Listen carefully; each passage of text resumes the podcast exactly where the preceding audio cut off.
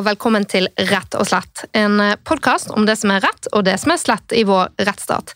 Mitt navn er Katrine Holta, og jeg er strafferettsforsker på Politihøgskolen. Og denne podkasten den er sponset av Karnov juridisk forlag.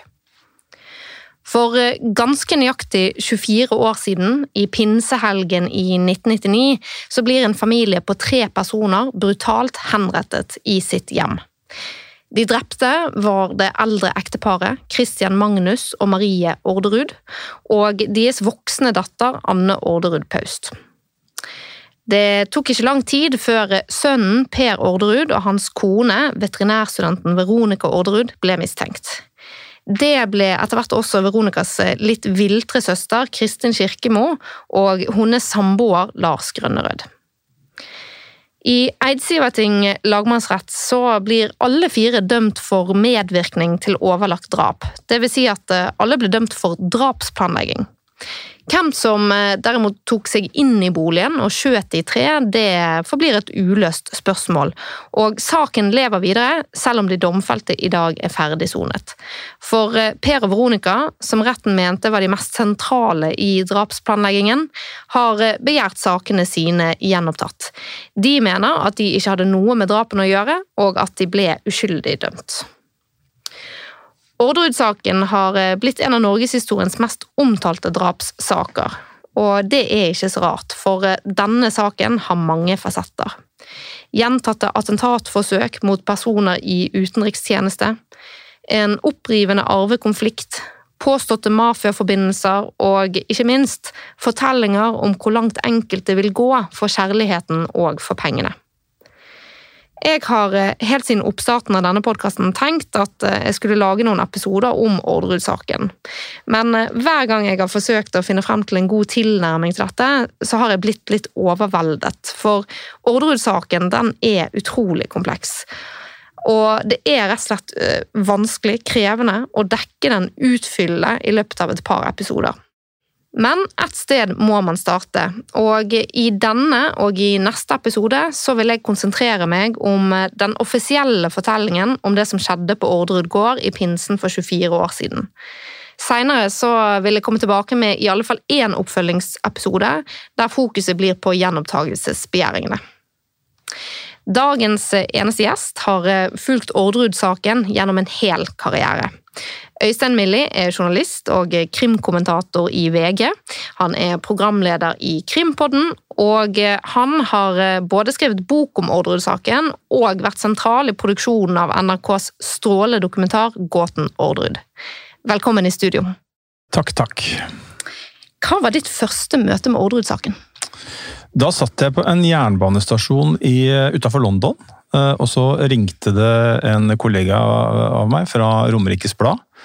Eh, og han var eh, ekstremt stressa og, og, sa at han sto på en gård i Sørum, og at tre mennesker var funnet døde. Min første innskytelse var, og spørsmål var er dette en familietragedie, som var det vi kalte på den tiden? Det forekom jo at eh, en familie ble funnet døde, og at da eh, gjerne far eh, hadde drept de andre og så tatt sitt eget liv. Og da sa han kollegaen min bare at nei, jeg tror ikke det. For jeg snakka med en politimann her ute, og han sa denne saken kommer det til å skrive lenge om. Og da skjønte jeg at oi, dette er nok noe annet, og så var det i gang. Ja, og du fulgte da rettssakene tett, ikke sant, som krimkommentator for VG? Ja, jeg var, på den tida så var jeg reporter, eh, så jeg dekka de som, eh, som nyhetsreporter. Jeg jobba jo i Romerikes Blad når drapene skjedde, og så er det nok sånn at eh, jeg, ja, Den saken tror jeg rett og slett var utslagsgivende for at jeg fikk jobb i VG. fordi at jeg så, ja, jobba jo da mye og systematisk med saken og klarte å drive frem noen nyheter som VG ikke hadde. og det Endte da med at jeg fikk tilbud om å jobbe i VG i stedet, og så begynte jeg der rett før eh, den første rettssaken, og fulgte da begge rettssakene fra, fra plass. Kan du forklare hva det var som skjedde i Orderud-saken? og Vi tar det litt sånn fra starten. Altså, det, og, og i dag er det altså den offisielle uh, fortellingen om dette, det som ligger til grunn i disse dommene, som, som er hovedfokuset. Hva er det som skjer fra start til slutt? Nei, Vi kan jo begynne rett og slett tidslinja kronologisk. og Det første som skjer, og det er jo snart 25 år siden, blir nå 25 år siden i juli, det er jo et attentatforsøk som rammer Anne Ordre Paust og hennes ektemann Per Paust. De skal på jobb en morgen 15.07.1998. Hun skal til Forsvarsdepartementet, han skal til UD. Eh, de har dårlig tid, eh, og de bor i Gabels gate her i Oslo.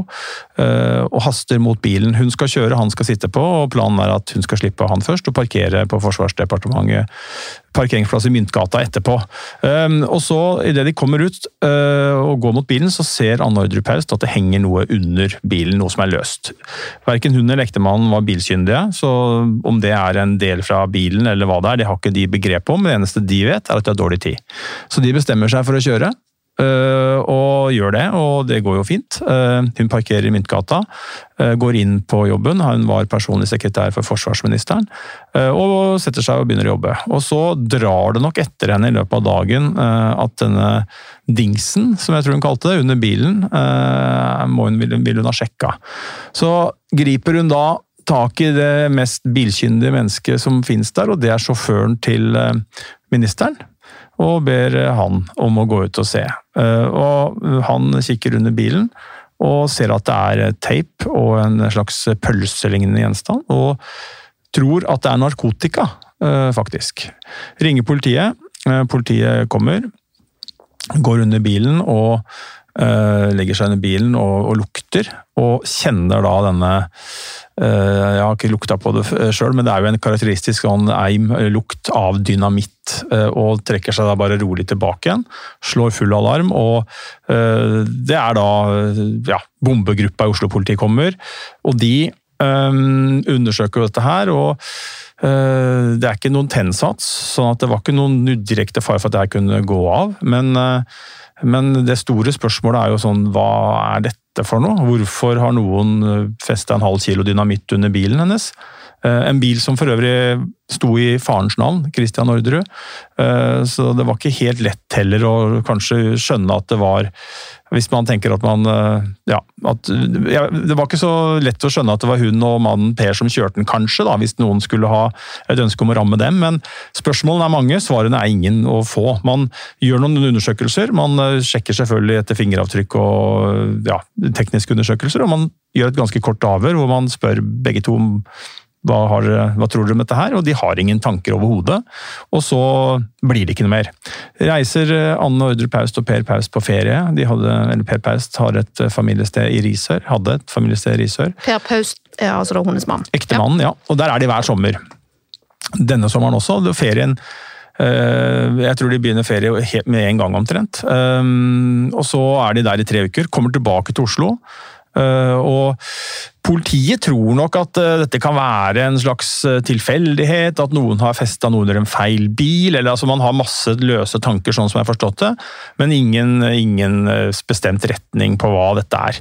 det blir egentlig ikke så mye mer ut av det? Nei, det, det blir en hendelse, og så forsvinner den egentlig, og folk tenker bare, tror jeg, at ja, det var vel noe rart, men noe rart hender det jo skjer av og til, uten at det dukker opp noe mer. Men det gjør det jo her, da. Ja, for det stopper ikke der. Nei, det gjør ikke det. det og det er jo da alarmen og alvoret Alarmen går og alvoret slår inn. fordi at uh, i uh, Ja, nå husker jeg ikke om det var 9. august, men det var i hvert fall de kommer rett etter at de kommer hjem fra Jeg tror de kommer hjem på søndag fra Risør, og så tror jeg det er natt til tirsdag at Per Paus skal på do. og står opp rundt klokka fem. Om natten? Og, mm, og hører en susing i leiligheten og lukter gass. Um, det er litt creepy. Det er creepy. Og han har jo da fått beskjed, eller ekteparet har fått beskjed om at hvis det dukker opp noe mer nå i deres uh, liv, så skal dere slå alarm til politiet med en gang. Ja, og det er jo også sånn at Per Paust da jobber i utenrikstjenesten. Det gjør han.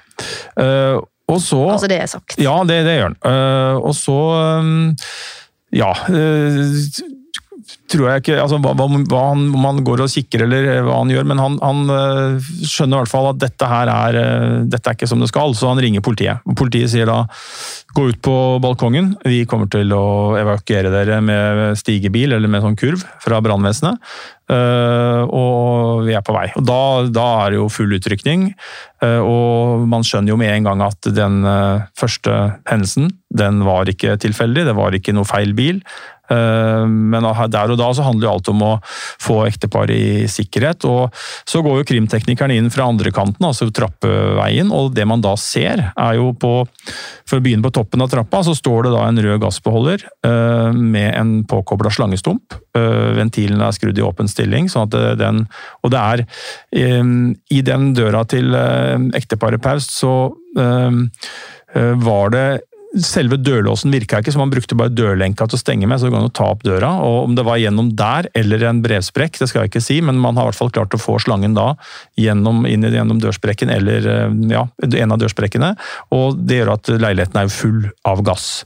Eh, den har jo stått der en stund, man vet jo ikke hvor lenge, men tettheten gassen ble etterpå målt til å være stor, og dersom dette hadde gått i lufta, så hadde man sannsynligvis eh, flere menneskeliv hadde gått tapt, og man kunne vel ha risikert å blåst eh, nærmest hele toppetasjen i hvert fall ut. Det var en svært farlig situasjon, viser det seg ettertid. Eh, og så er det jo i tillegg da, sånn at politiet oppdager at noen har jo da dynka en lunte med bensin ned hele trappeløpet, ut på fortauet jeg lurer på om det var til sammen 50 meter rundt det. Altså en stripe med bensin som er ja. helt ute, ikke sant? Ja, en bensin som skal bli en lunte. Og så har noen tent på i ene enden. Eh, og så har, utrolig nok, eh, flammene stoppa på veien. Så om det var for lite bensin, kanskje, da, eller hva det er. Men det er jo da bare tilfeldigheter som gjør at ikke dette har gått fullstendig gærent. Og nå går jo da eh, den store alarmen. Eh, Oslo-politiet setter i gang en omfattende etterforskning. Man ja, for nå å... skjønner man jo at uh, det er, dette er målrettet.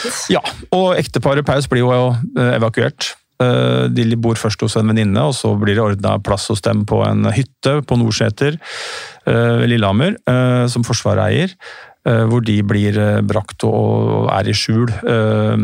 Mens politiet da begynner jakten på, på svar om hvem det er som står bak dette her, og hva det er det skyldes. hvor man jobber jo da etter flere spor. Man undersøker Selvfølgelig, man avhører jo ekteparet grundig. Blir spurt om, om, spurt om, om utom alt. Eh, det er Altså, er det konflikter i bygården? Er du i en organisasjon hvor det er konflikter? Har du hatt noen byggesak hvor det er konflikter? Tilhører dere noe religiøst miljø? Har dere psykisk syke mennesker i familien deres? Hvordan er det med det seksuelle? Er dere inne i et miljø der som det kan ligge noe? Altså, det er ikke Man eh, tømmer alle temaene, da. Eh, og det eneste man får napp på til slutt, er at eh, begge to forteller om at det er en konflikt om overdragelsen hjemme på hennes eh, hjemgård, Orderudgård. Ja, um, men Per Paust han jobbet jo da i utenrikstjenesten, og han var jo da involvert i et sånt eh, prosjekt der man skulle um, på Balkan, ja. der det handlet om reduksjon av håndvåpen. Og dette har jo i ettertid, uten at vi skal eh, foregripe for mye her nå av historien, men dette har jo i ettertid blitt eh, fremstilt som et mulig motiv. Det har det, og også forsvarsjobben til Anne Ordre Paus, som jo var personlig sekretær for forsvarsministrene. Eh, så det har vært brakt fram, og det er jo også vært brakt fram en, en, ja, en, et spor i retning av det vi kan kalle et jugoslavmiljø, men som da ikke nødvendigvis handler om verken UD eller Forsvarsdepartementet, men som har andre årsaker. Så det er jo flere Eh, det er jo flere mm, hypoteser her eh, som har vært presentert gjennom årene om hva dette kan eh, handle om. Men sånn som politiet så det den gangen, og det man da fant ved å gjøre de undersøkelsene man, man, gjorde, så kan man jo spørre seg om de var gode nok. Og det, det mener jeg at det er flere, flere, ting i etterforskningen som jeg mener burde vært gjort bedre, da. Men, men man, man fant jo ikke noe sånn per Paust uh, hadde jo heller ikke noe å melde i retning av at han hadde opplevd noe som politiet i hvert fall mente var, var interessant. Da.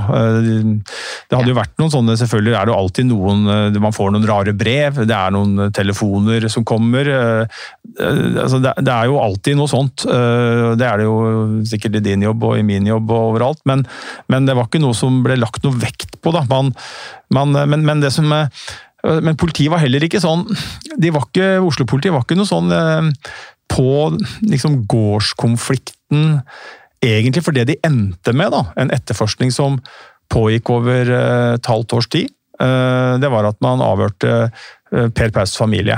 Og Det har også vært tema tilbake til rettssaken. og sånn, Så har jo, har jo forsvareren til ekteparet øh, Ordrer, det særlig kanskje da Frode Sulland, pekt i den retning, gjorde han under rettssaken. Um, um, og så uh, Man undersøkte familien til Per Paust, man undersøkte familien til Anne Ordre Paust, og man, man, så da på privatlivet deres og jobbene deres. Uh, Uh, og så endte man egentlig med å, sånn som jeg leser det, uh, tydeligste spor etter en mistenkt. da.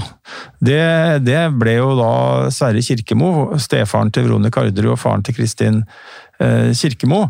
for de var, hadde funnet denne gassbeholderen, og den Eh, var det en slangestump på. Og den slangestumpen, den var det noe jeg lurer på om det var, eller nå skal jeg ta et forbehold, om det var på slangestumpen eller gassbeholderen det var noe maling. Men det var i hvert fall maling, noen malingsflekker som politiet var interessert i. Eh, og de tok jo eh, klippet av en del av hageslangen til Sverre Kirkemo. Jeg tror både på arbeidsplassen hans og hjemme, hvis jeg husker riktig. Og så tok de også prøver av noe maling på husveggen hans for å se om det kunne matche den, så, så, det er liksom det mest konkrete jeg har sett i, i dokumentene.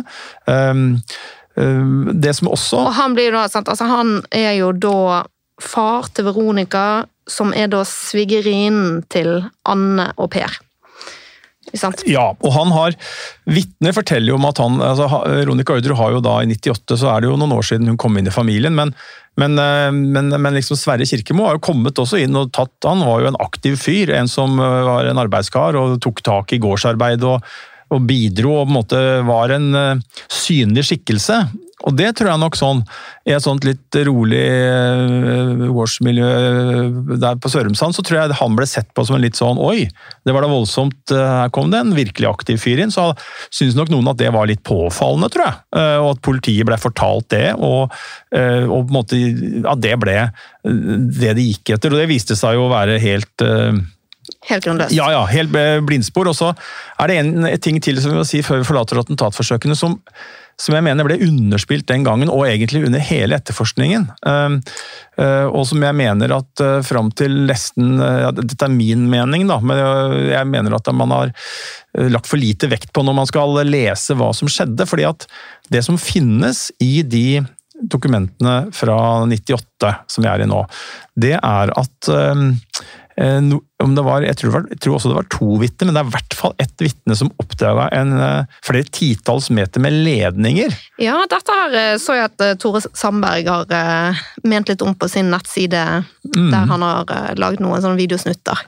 Ja, Hva var det for noe? Nei, og jeg tenker jo at Og disse ledningene var, sånn som vitnene beskrev de, så hadde de, de hadde funnet dem sommeren 98. og hadde bare Det var ledninger som lå rundt noen husvegger og var skjult rundt noen sandkasser og liksom uh, Ja. Uh, og jeg tenker jo Og dette var utenfor huset til Dette er i Gabels gate. Ja. Uh, Utafor leiligheten til Anne Ordre Paust og Per Paust. Og jeg tenker jo at for det har vært snakka om at man lurte på ja, som jeg var inne på, hvorfor denne bombe under bilen. og Det var jo noen som var etterforskere som har ment at det kunne være for å skremme osv.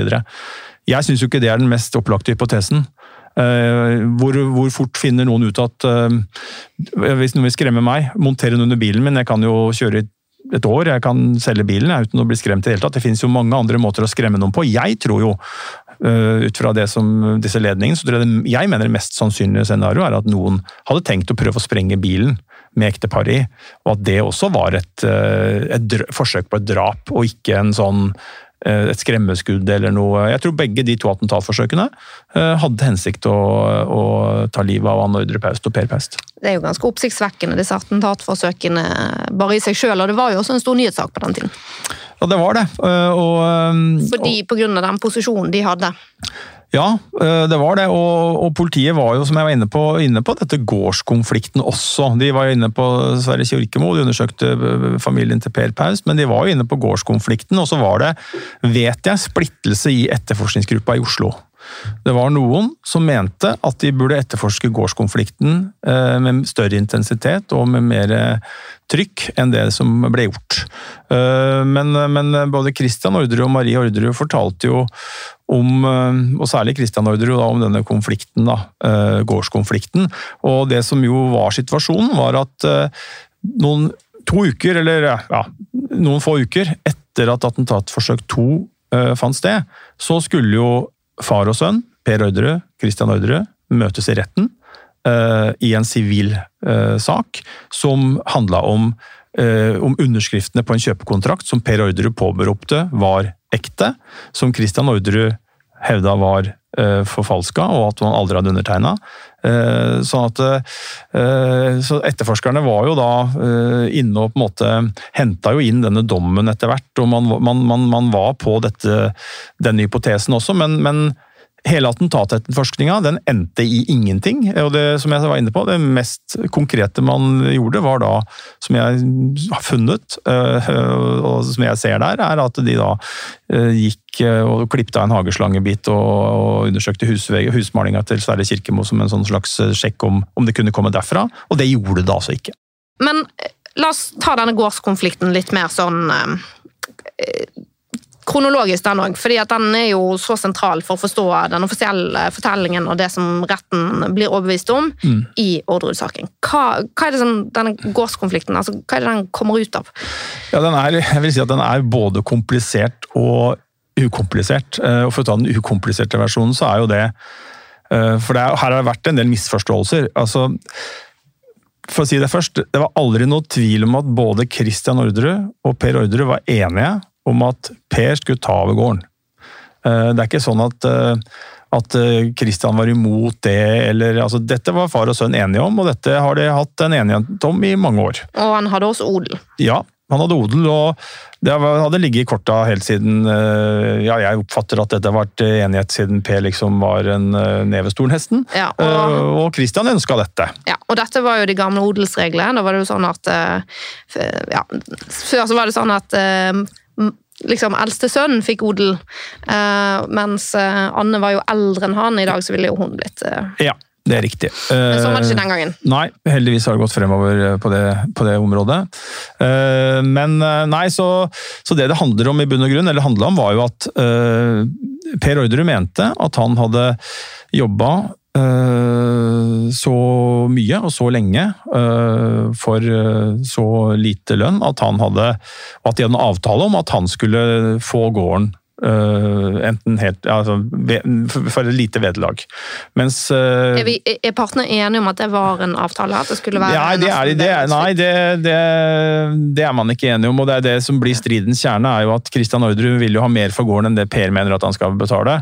og Det er egentlig det det handler om. Og så er det jo da ja, mye, mye, fram, mye prosess der med, med, diskusjoner og vi gjør sånn og sånn. Det er mange, mange faktorer du kan legge inn i et oppgjør der. Men Blant annet så ja. kommer det jo inn et uh, moment om at Christian ønsker vel på et punkt at Anne skal få en teig.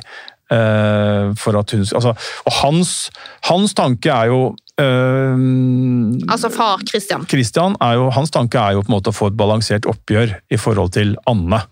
Og så mener jo Per at oppgjøret blir balansert hvis de følger hans linje, fordi at han har Uh, jobba der, og, og, og, det er helt riktig. Uh, han uh, har jo vært uh, drivegården, først forpakta han og jobba for faren sin og lagt ned en enorm innsats der. så han mener jo at han ja, ja, ja, så han mener jo at han har gjort så mye at, må, at han måtte godeses, da. Eh, på en ordentlig måte eh, når oppgjøret skal gjøres. Eh, mens Christian og ja, de, de blir uenige der. og er, Her er det jo både skjøter og kontrakter og flere versjoner og så videre, så det er en veldig omfattende sånn i, i dybden. Men det overordna tinga er egentlig det viktigste. det er at De var enige om at gården skulle havne hos Per, men de var uenige om det økonomiske oppgjøret og balansen mellom Per og Anne som ville bli en mm. følge av det. da. Og da får jo Christian Tinglyst en sånn uh, såkalt urådighetserklæring, uh, som gjør at uh, Per ikke har tilgang til å råde over ja, det som Christian Ordres advokat har sagt, er jo at han fikk altså sivilrettslig advokat, Ole Edvard Hagen, han fikk besøk på kontoret sitt en dag. og Da hadde Christian Orderud gått gjennom selvangivelsen som sønnen Per hadde fylt ut, og sett at han ikke eide Orderud gård lenger. Eh, og det var jo ikke han enig i. Han mente at det ikke var skjedd en overdragelse. Så han gikk da ned til advokaten, og de da for å, eller han sørga da for å få eh, på plass en urådighetserklæring som gjorde at, eh, at da ble situasjonen fryst. Og så begynte jo da en årelang, og Per bytta advokat flere ganger, og man forsøkte å megle, man forsøkte å komme til en enighet. Jeg, nå skal jeg ta det med en klype salt, men, men jeg lurer på om man ja, man, man, holdt hvert fall, man begynte i 95, tror jeg allerede, og i hvert fall 96 og 97, og så kom jo da rettssaken i 98. Så dette var en, dette var en lang prosess eh, og, og som uh, låste seg, og man fikk inn, uh, som jeg var inne på, nye advokater på Per sin side, i hvert fall. Og prøvde på andre innfallsvinkler, og, men resultatet ble det samme. Man ble bare ikke enige. Eh, og så endte det jo da, som jeg var inne på i stad så vidt, eh, med da en, til slutt en, en rettssak eh, som kom opp i månedsskiftet august-september, mener jeg det var, i, i 1998. Ja, og den rettssaken, og det merket meg jo også, at den, det er jo Per som da tar ut søksmål mot sine foreldre. Ja. Og det gjør han med henvisning til en kjøpekontrakt som han mener at hans far har signert på, mens far mener at det har han aldri gjort. Ja, det gjør han, og det blir jo en veldig følelsesladd rettssak. Det sier seg jo sjøl. Um, man har en slektskår, og man har en innstilling om at her skal uh, slekt følger slekters gang, holdt jeg på å si, og man skal følge tradisjonene og bringe da ja, familiegodset videre gjennom at uh, sønnen overtar etter faren. Uh, som jo skjer, har skjedd i mange, mange lange tider i Norge, og som er en tradisjon. Eh, og som jo er ønska fra alle parter, fordi at det er mye følelser og mye Ja, en gård er en slektsgård er en slektsgård. Og så skjærer det seg jo, ikke sant. Eh, og det i seg sjøl er, eh, er, jo vanskelig. Og så er det selvfølgelig sånn at det at uansett om du eier en slektsgård eller om du er en, en familie som ikke gjør det, så er det med en, en sånn konflikt i en kjernefamilie. ikke sant? ikke noe særlig hyggelig på noe vis. Og det ble jo etter hvert en slags isfront mellom mor og far på den ene sida og sønnen på den andre sida. De bodde jo like ved hverandre og kunne jo se ned opp til hverandre. Um, ja, det ble veldig, veldig vanskelig. Uh, for begge parter. Ja, og så må vi rett og slett hoppe litt videre, fordi det her ender jo i et trippeldrap på, i kårboligen, som skjer altså på gården. Uh, og um, det er sånn at uh, Veronica Orderud, veterinærstudent, kommer til Orderud gård, blir kjent med Per. Flytter etter hvert inn til Per, og de gifter seg på et tidspunkt. Og hva er det um, som skjer? Altså, hvordan, hvor skal vi plukke opp Bell her nå? Nei, da kan vi jo uh, spole til uh, uh, rett før pinse i 1999, da. da er Eller vi kan ta med en hendelse til først. fordi at det som skjer, da Anne Ordre Paust og Per Paust de blir jo som jeg var inne på, først evakuert til Norseter på Lillehammer, og så jobber man med å finne ut av hvordan man skal trygge dem. Og det blir bestemt at Eller hva som skjer, men Per Paust får en jobb i USA, en diplomatjobb, og drar dit sammen med kona si i eh, begynnelsen av ja, månedsskiftet august-september, og, og, og, blir der fram til uh, jul, nyttår 98-99. Så kommer nyåret. Per Paust føler seg dårlig. Han blir sjuk, uh, og det viser seg å være uhelbredelig kreft. Så han dør da i mai. Um, jeg lurer på om det var 8. mai han dør. Um, og dette er jo en veldig tøff påkjenning for Anne Ordre Paust, og ikke minst med tanke på uh, først og fremst selvfølgelig at hun mister ektemannen sin, men så har du dette bakteppet at de to har hatt et veldig trøblete privatliv uh, i forhold til at de har vært trua på livet da, uh, i, i, et halvt år. Eller nesten et år, faktisk. og så begraves da Per Paus 14. mai, eh, og pinsen står for, turen, kommer, for tur. Vi kommer til 20. mai. Anne er slått ut. Hun er ordentlig, ordentlig prega, og venninner som har uh, snakka med henne, forteller at hun er ja, nedstemt, rådvill, uh, tappa for krefter, tom. Uh, og men, men, bare til de lytterne nå som sitter og tenker ok, her har det skjedd flere attentatforsøk, og så plutselig så Kort tid etter dette så, så dør plutselig Per Paust. Uh, naturlig av kreft. Ja. ja da, det har vært Sikkert noen som vil lure på er det noe, er det noen grunn til å tro at at det ikke var kreft, at det var noe annet, at det var gift eller lignende? Eller ble han obdusert? Altså, vi bare må rydde av Ja, noen har jo lansert de teoriene også, uh, om at det skulle være noe forgiftning eller uh, noe sånt. Uh, men de jeg har snakka med, både og de fortellinga om hvordan dette sykdomsforløpet var, så mener jeg det ikke er noe grunn til å tenke i den retning i det hele tatt. Dette var et Eh, dette var kreft, og han døde av eh, det. Og jeg har ikke Ja, de, jeg mener de spekulasjonene om at det var noe annet, de er grunnløse. Ja, ok. Og så er, det, så er hun knust, for han dør i starten av mai, ikke sant? Han, han dør 8. mai og begraves 14. mai, og, og så er eh, pinsen står for tur. Og Da er det en diskusjon eh, og en usikkerhet hos henne om hvor hun skal. Eh, egentlig har hun en plan om å Anne, altså. Anne. Egentlig har hun en plan om å slutte tidlig på fredagen før pinse, kjøre hjem til uh, Sørumsand, hente foreldrene og komme seg til Risør og dette landstedet jeg snakka om, uh, med dem, før rushtrafikken setter inn. Uh, men så er det, som jeg sa, hun var tom for krefter, og det var litt kaos i et hode som, eh, som, nok var veldig ryddig og veldig sånn effektivt eh, vanligvis, men hun var slått ut. og eh, det ender jo da med at hun i stedet reiser opp til foreldrene sine og kommer til Orderud gård og parkerer denne blå Golfen, som også var denne bilen som fikk denne, denne pølsa med dynamitt under seg, utafor kårboligen der en gang i løpet av kvelden den 21. mai. Per Orderud og Veronica Orderud de er hjemme kan vi bare helt kort si hva er en kårbolig? Ja, en kårbolig det er en um, boenhet på en gård som um, de som har uh, Stort sett, da. At de som da har vært uh, foregående generasjons bønder, bor i. Men det kan òg være motsatt, at man bor der før man tar over en gård. Det, det kan det, og det er jo da en, en, en, en, boenhet, et eget hus gjerne, som ligger på gården. Pensjonistboligen. Ja. Det kan, og dette hadde Christian, denne, denne Christian Borg, som denne boligen het leilighet. Da. Den hadde han bygd, og de, de flytta jo da inn i den når Per Orderud flytta inn i hovedhuset på gården. Uh, og så uh, bodde de der, og det var dit Anne da kom på kvelden. Og denne dagen, mai, nei, 21. mai, så, så, var det innspurt på våronna. per hadde det travelt fordi at han og Veronica skulle på hundestilling i Nesbyen. Eh, de skulle reise da på lørdag morgen, pinseaften morgen. Ja, De hadde schæfere? De hadde schæfere, og det var en tradisjon uh, som Veronica Vardrud var vokst opp med, uh, og da gjennom familien sin og, Sverre Kirkemo osv., å være på Nesbyen på denne hundestillingen hver pinse.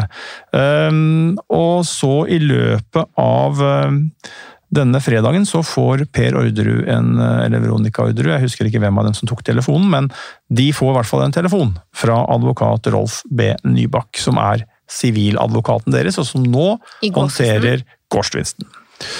Han sier at uh, han har tro på en løsning, og at det er bevegelse, og at uh, det ser lysere ut med tanke på å endelig da, få denne floken uh, rundt gården løst. og det er jo en fin beskjed å få ved inngangen til pinsen. Så har, vet vi at ekteparet hadde et besøk om kvelden eller ettermiddagen. Og de dro på et tidspunkt ut på hundelufting, sier de. Og så øh, øh, går de til sengs og, og sover i sengene sine hele natta. Det er deres versjon.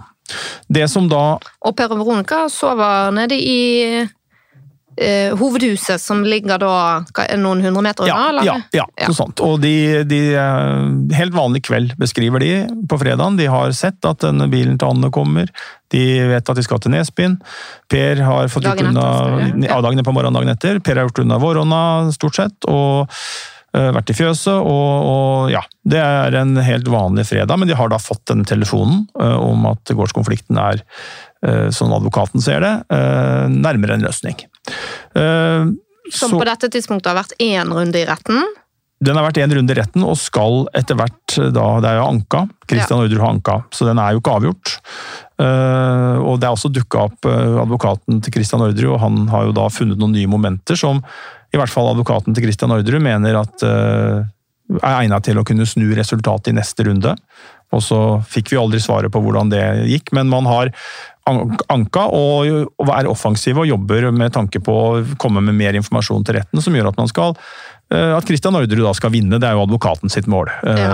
Men eh, Per får altså beskjed om at her ser det ut til å bli en forliksløsning. Ja, for man holder jo på, man, selv om man har vært i rett en runde og skal en runde til, så jobber man jo fortsatt med å håpe at man skal unngå det.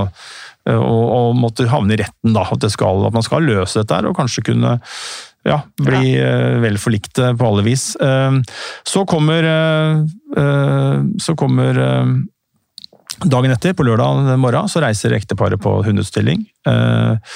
Og det er en avløser som tar seg av fjøset, og alt er tilsynelatende stille og rolig på Orderud gård. Så har Christian Orderud en bror som heter Hans Orderud. Og han og kona Annie de er mye sammen med Christian og Marie Til Per. foreldrene til Per. Og i løpet av pinsen så har de noen avtaler om å gjøre noe sammen. Eh, Og, Christi, og Hans han ringer da til eh, sin bror Christian eh, flere ganger på pinseaften. Eh, Får ikke svar. Eh, Han eh, Dette er altså lørdagen. Ja. Eh, Så tenker han at ja, ja, det, det, det hender jo det, og dette var på fasttelefon. Det var ikke, jeg tror ikke, var, jeg tror ikke om Christian Udre hadde mobil engang, men det var Nei, på 1999, ja, fasttelefon han ringer på. Eh, sånn ordentlig gammel sikkert også, som ikke du så at noen hadde ringt. eller ja. Det, er ikke så, det var ikke som nå, hvor du får en telefon, og så ser du gjerne, og så ringer du tilbake igjen. Så det var helt naturlig kunne være da, at du ble oppringt. Bare for å forklare de som ikke husker dette. Eh, du kunne bli oppringt uten at du hadde merka det eh, på noe vis, at du hadde blitt oppringt. Høres ut som det er 100 år siden nå, men, men sånn var det.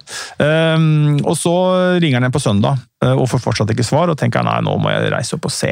Hva er det, hva er, nå er jeg urolig. Så han drar opp, tar bilen og kjører opp, og ser jo at bilen til Anne står der. Tenker han kanskje å banke på, eller øh, kjenne på døra, den er låst. Eh, så han øh, Han har nøkkelen. Ja, men han jeg tror, sånn som det er sagt, så tror jeg han, han kanskje tror at de skal være på baksida, sitte på terrassen og, og spise frokost. Ja, men først så Eh, låser han seg inn hoveddøren, ja, men kommer ikke lenger, Nei. for der er det en dør som er låst fra yes, siden. det er riktig. Der er det en- lenger inn i huset, altså. Ja, det er en sånn hall, eller et vindfang, eller ja, Ja. som uh, gjør at han da ikke kommer videre, for der er en øh, lett dør, innerdør, som er låst fra innsida. Og denne inngangen er da nede i første etasje. Ja, dette er en uh, ja, ja, det, ja, det er det. Og liksom en sånn Ja, det er mange som har sett bildet av den boligen, men det er vel en slags sånn det er kalt en sokkel øh, altså Man har en øh, Det er en kjeller, da, eller en førsteetasje, på en måte, som, som da ligger Og så er det en annen etasje over. Så går han rundt, og på terrassen På baksiden. på baksida av huset, som vender mot et skogholt, og ser om de kan sitte der. Det er Det jo er da andre etasje, sant? ja, ganske fint vær. Eh, og da ser jo han at verandadøra er knust. Eh, glasset i verandadøra. Og det er jo veldig rart. Eh, så han eh, og Den er da knust sånn at du kan stikke hånda inn og åpne døra fra innsida. Så han gjør det av det, og går inn. Og da går han ikke langt før han eh, ser Marie Orderud ligge på ryggen eh, i rommet der, i TV-stua. Hun er eh, helt åpenbart eh, død.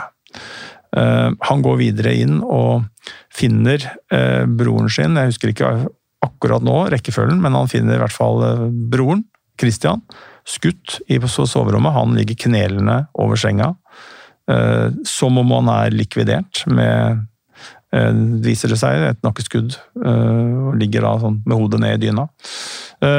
Og på kjøkkenet så ligger Anne Ordre Paust i en sånn sammenkrøpet stilling i nærheten av kjøkkenbordet. Um, Hun har åpenbart forsøkt å rømme og komme seg ut verandadøren. da. det er en hypotese at hun har forsøkt, for det er en verandadør det er en veranda som går rundt huset, på en måte, sånn at du kan komme deg ut da på verandaen over inngangspartiet. da, På den sida av huset som vender mot gården, så komme, var det en verandadør som du kunne gå ut og komme deg ut og rundt. så uh, For hun har jo kommet opp Hun sov i, i første etasje, på innsida av, av, den døra vi snakka om, med den uh, nøkkelen som var låst. Uh, så hun har jo løpt opp trappa. Og så har hun vært sånn som det ser ut der inne, eller så ut der inne, så ser det ut til å ha vært på vei vekk fra de som skjøt. Uh, og da mot den kjøkken, eller den veranda der på kjøkkenet som du, som du var inne på. Uh, men hun er også død. Så han Alle i nattøy. Mm, det ligger i nattøy, og han, han skjønner jo ja, Man skjønner noe eller ikke skjønner noe, men han, han, han klarer i hvert fall da, å ringe politiet og si at han har funnet tre mennesker døde, og da, da Tenke seg det, da. Finne sin nærmeste familie på den måten, det er jo helt uh, Ja, det er jo Det er helt utenkelig. Det er jo, ikke sant, og det er jo Ja, det er jo de er jo likvidert etter tur, liksom. Det er jo øh, viser seg jo etter hvert, når man begynner å undersøke liken, at det er jo kontaktskudd øh, i nakke, øh, halsregion, på alle tre. Så, og det absurde er jo at Marie Orderud hun ble jo skutt mens hun var i ektesenga med Christian Orderud. Hun overlevde de skuddene og klarte til og med å gå. Og prøvde da først å gå til sin eksmann? Ja, og har gått ut i stua. og mm, Der har gjerningspersonen, personen ned, fortsatt vært og skutt. Og skjøt henne jo igjen. Eh, og så mener jo rettsmedisineren at han heller ikke døde da det, men om hun har vært bevisst eller ikke bevisst, det vet han ikke. Men man mener jo, konklusjonene, at uh, Marie Orderud levde altså da etter å bli skutt en andre gang, og at hun levde når gjerningspersonene sannsynligvis forlot åstedet. Altså, så ufattelig. 80 år gamle mennesker. Ja. Så dette er jo ikke sant, dette er jo det er jo en ja, det er jo en helt uh, vanvittig handling og en absurd situasjon, og alarmen går jo. Eh, full utrykning med eh, lokale politifolk, Kripos, teknikere, eh, som da starter å, å jobbe på stedet og prøve å finne ut av hva har skjedd og hvem har gjort dette. Hva er det de finner av tekniske bevis på åstedet, da? Nei, De finner jo øh, ganske fort ut at det er brukt to forskjellige våpen. Det er brukt en, en revolver, en Colt-revolver, som har som jeg løsna tre skudd med. Og så er det en, eh, en eh, Ruger kaliber 22, mener politiet, som er brukt. Eh, og som det er Der er det vel litt usikkerhet med nøyaktig tallet på antall skudd og litt uenighet rundt det, men der er det sånn pluss-minus Nå tar jeg ikke det i hodet heller, men det er vel en, man mener at et magasin er tømt. At det er ti 10-11, om det satt ett i kammeret, eller husker jeg ikke helt detaljene på akkurat nå, men det er i hvert fall betydelig flere skudd som er skutt med den Rugeren enn med den Colten. Eh, men alle ofrene Det er tre skudd med colten, og det er ett Colt-skudd i hvert offer, eh, så vidt jeg husker eh, nå. Det er mye detaljer i denne saken, så jeg må ta litt forbehold innimellom. Selv om jeg har fordypa meg inn, så er det liksom ikke Ja, det er mange andre saker også. Men så finner man, så finner man to ting til som er interessant. Man finner på knust glass fra verandadøra, så finner man et avtrykk av en sko. Og det viser seg å være en damesko. Ja, og det er ikke et fullt avtrykk, det Nei, er En del. Av hel. Ja, så det blir et stort prosjekt, og nå sier jeg som om dette skjønte man med en gang, og det gjorde man ikke, det må jeg bare si, så ikke man tror at man hadde dette svaret med en gang, for da hadde man nok kunne gjort en bedre jobb på det med jobben med å finne ut av hvem som kunne kjøpt disse skoene. Eh, så kan vi kanskje komme tilbake til at de fant jo et, et kjøp som de mente var interessant etter hvert. Men, men, det er jo en, det er en, vanskelig jobb, fordi at man finner en del av den eh, skoen. Og man starter jo da et eget prosjekt for å prøve å finne ut av hvilken sko kan dette være. og Det finner man ut etter hvert, men det tok ganske lang tid. da. Eh, så den skoen, men den sier jo da med ganske stor grad av sikkerhet at det har vært en dame der inne. Eh, det vet man da ganske tidlig. Og så ja, fordi man, det er en damesko, sant? Ja, og så finner man jo en ting til, og det er sikkert mange som lurer på hvor blir det av det jeg skal si nå, og det er jo Orderud-sokken. Som jo er en uh, symbol? ja, ja, ja, faktisk blitt en slags sånt symbol, og det er jo da det er jo en egen historie i seg sjøl, for den sokken den, eh, Det var en hundefører som gikk spor med hunden sin, og så fant man en ullsokk liggende noen meter fra kårboligen. Politimannen og schæferen tok den i munnen og Ja, her er det en sokk, liksom. Men uh, politimannen skjønte nok ikke, eller så ikke helt for seg at dette kunne ha noe med drap å gjøre, så han tok den bare, putta den bare i lomma. Uh, og så ble den sokken liggende i en hylle på Sørum lensmannskontor i som en slags kuriositet, eller ja, det var ikke, det var ikke et beslagspose med en gang, i hvert fall. Eh, som det burde vært. Eh, og så begynner man jo, etter hvert som man jobber med åstedet den første uka, så ser man jo noen sånne fiber. Som man lurer på hva kan stamme fra. Og så, Inni kårboligen, sant? Mm, så kommer man jo tanke på at mm, kan det være at denne sokken har vært der. Og da blir jo sokken underlagt kriminalteknisk undersøkelse, så blir jo sokken en, et prosjekt i seg sjøl, det òg. Uh, man bringer jo etter hvert inn strikkeeksperter for å prøve å, liksom, bare for å, kuriositetens skyld, en etterforskning.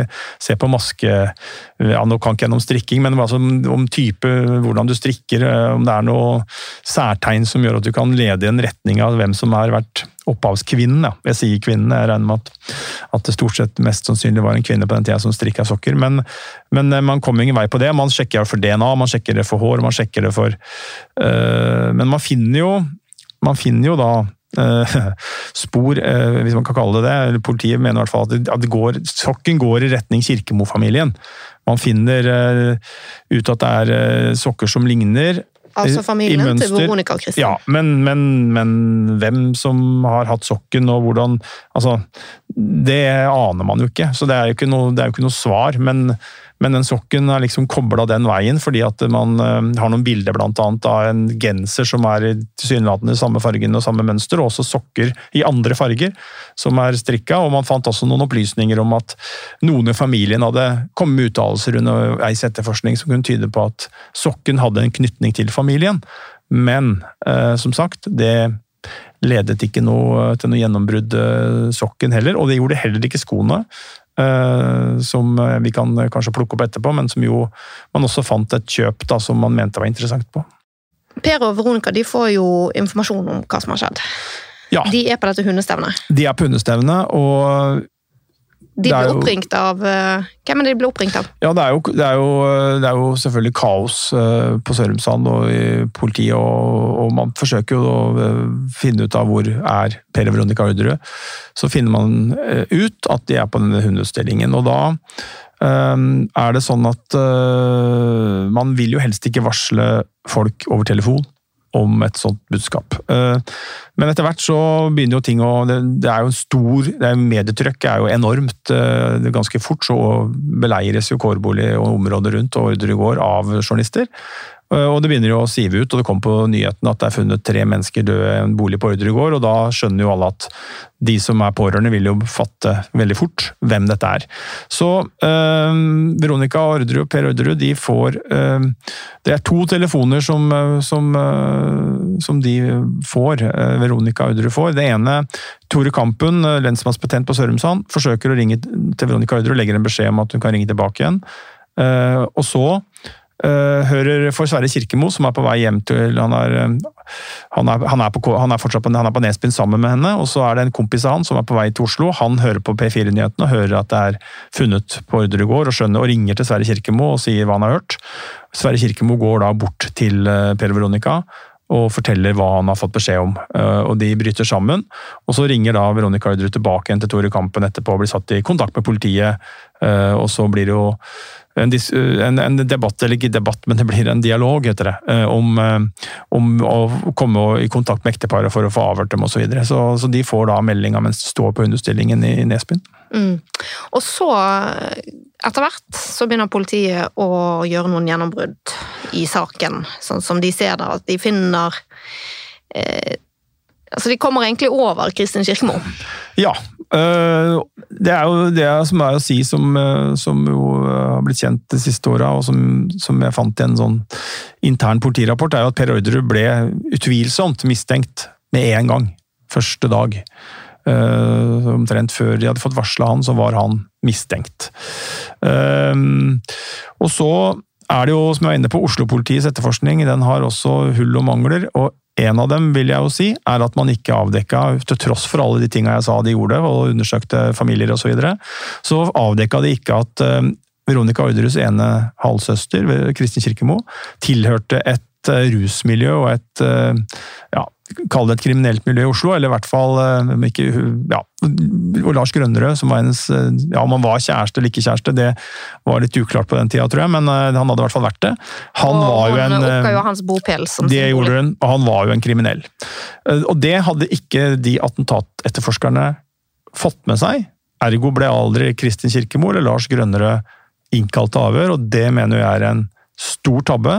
I de forutgående attentatene. Ja, og jeg tror jo at det kunne ha endra på det som senere skjedde, hvis de hadde blitt kikka på.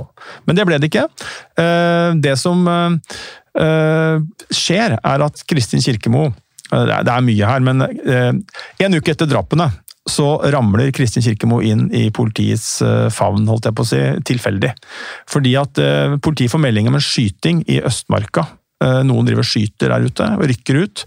Og på en hytte der så finner de to personer. Det ene er en mann som ikke får noe rolle i ordresaken. Og den andre det er Kristin Kirkemo. Og Politiet spør hvem er dere, og tar personalia. Og Eh, hun oppgir da, som du sier, Frognerveien 38, Lars Grønrøds leilighet. Og, eh, og, politiet er nok eh, det som jeg har blitt fortalt, så er politiet på Sørumsand de, de har henne på radaren en uke etterpå. Og, og så blir det gitt beskjed til Romerike om at vi har, fra Oslo da, om at vi har brakt inn Kristin Kirkemo. Så når hun kommer i avhør, så er det ikke noen politietterforsker fra Oslo som sitter der, men det er Bernt Ingar Jaren fra et lensmannskontor på Romerike som sitter her og sier at han vil snakke med henne. Men han nevner, stiller ikke ett spørsmål om skytinga. Alt han vil snakke med henne om, er eh, familien og, Orderud. Og, og, og, det er helt åpenbart at dette er en går i retning av drapssaken. Eh, så har hun oppgitt denne Frognerveien 38 da, som adresse. Politiet går inn der og gjør beslag. De finner et eh, i en sånn settekasse en, eh, så finner de et pistolmagasin. Det tar de med seg. Eh, og undersøker. Hva det, er et pistolmagasin? Det er eh, den du putter uh, si, Lader i ammunisjonen i, og så putter du det inn i mm, pistolen, og så mater Det er en etui som du har ja, kuler inni, sant? Ja, det mater inn mm. det du skal skyte med, eller skyte ut. Uh, I en revolver så dytter du inn i en tønne, mens på en pistol her med et magasin så er jo dette adskilt, så, sånn at du må putte magasinet inn, og det må da lades uh, for at du kan kunne avfyre et skudd, med mindre det sitter et skudd i kammeret fra før. bare for å ikke få våpenekspertisen på nakken. men det er ikke poenget. Poenget er at Eh, de går inn og finner dette magasinet, pistolmagasinet til en 22 kaliber Ruger. Det krimteknikerne har merka seg på åstedet, er at disse tomhylsene etter, fra Rugeren som er funnet, for det er jo viktig, ja, for det er det viktig å si at en, Litt våpen her nå, men den Colten, som er en revolver, der er det jo prosjektiler uh, som, uh, som uh, henger sammen, for å bruke et enkelt norsk uttrykk. Hva er en prosjektil? Nei, Det er kula, da. Den, liksom, kula den er én del. Mens i et pistolmagasin så, så er det jo en hylse som kastes ut, og som ikke på en måte treffer blinken eller hva du skyter på. Mm.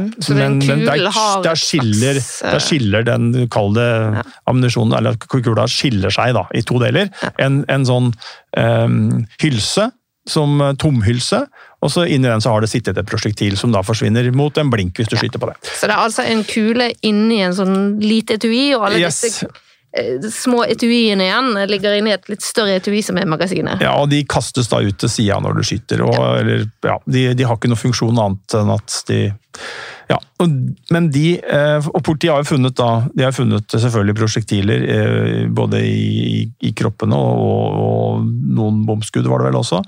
Men de har også finnet, selvfølgelig plukka opp disse tomhylsene og sett at disse hylsene, som er et par centimeter kanskje, eller og ganske små, de har noen rare riper på seg eh, som ikke er naturlige.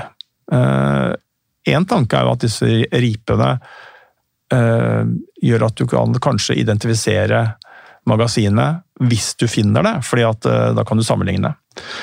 Og det som jo er oppsiktsvekkende, er at dette magasinet i leiligheten til Lars Grønnerød, det viser seg å avgi når man lader og skyter, så får man de samme ripesporene, mener krimteknikere eller våpenekspertene. Det er altså det er jo ikke DNA, dette her, men man mener at likhetene er så store at det er overveiende sannsynlig at de prosjektilene og de hylsene, eller de hylsene på mm. Ordregård, har blitt skutt ut eller sittet i magasinet hos Grønnere. Ja, og Dette legges til grunn i retten, og bare så det er sagt også at det er senere bestridt. i Det er en av mange mange ting som er bestridt her. ja, det, det, skal vi komme tilbake til. Nesten alt vi snakker om er bestridt uh, på en eller annen måte, bare så det er sagt. Men, uh, men da har man jo en link da, mellom, uh, mener man, mellom eh, Lars Grønnerød, Kråsvik, Kirke, Kirkemo og drapene. Og da pågriper man jo Lars Grønnerød, Kristin Kirkemo, sikter dem først for ulovlig våpenbefatning på ulovlig vis, eh, og avhører dem. Og i løpet av en helg der så mm, oppstår det en sånn ping-pong-situasjon i avhørsrommet, hvor, hvor Kristin og Veronica Nei, husk, nå går det sur her. Eh, Lars og Kristin eh, forteller om eh, eh, Ja, de forteller mange forskjellige ting, men etter hvert så kommer det for en dag at eh, Kristin Kirkemo skal ha vært i Molde og henta to våpen, og at det var til ekteparet Orderud. Og Lars begynner å snakke om, og hun snakker om Lillegutt, denne revolveren som ble drapsvåpenet, mener man. Og så, for å lage en lang historie kort, så ender jo det med at de når helga er over, så mener politiet at eh, de to har forklart ekteparet Orderud inn i saken. Som initiativtakere ja, til ja, og at de har skaffa våpen. At det har vært planlegging av drap på et jules etter et juleselskap på lille julaften. At, sier Kristin Kirkemo at det har vært planlegging av drap. Uh, og så blir ekteparet uh, pågrepet da på mandag uh, 14. juni. Ja, og de benekter jo dette. Eh, vi eh, har egentlig kommet til veis ende for det som vi har tid til i denne episoden. Eh, som jeg tror lytterne har skjønt, så er dette utrolig komplekst. Vi trengte rett og slett å bruke en hel episode bare på å forklare faktum, og vi har ikke engang begynt på rettssakene. Derfor så håper jeg at du, kjære lytter, vil høre på også den neste episoden, som blir del to. For da skal vi gå inn mer i bevisbildene, og vi skal se særlig på hvilken betydning troverdighetsvurderinger fikk i Orderud-saken i domstolene. Takk for i dag.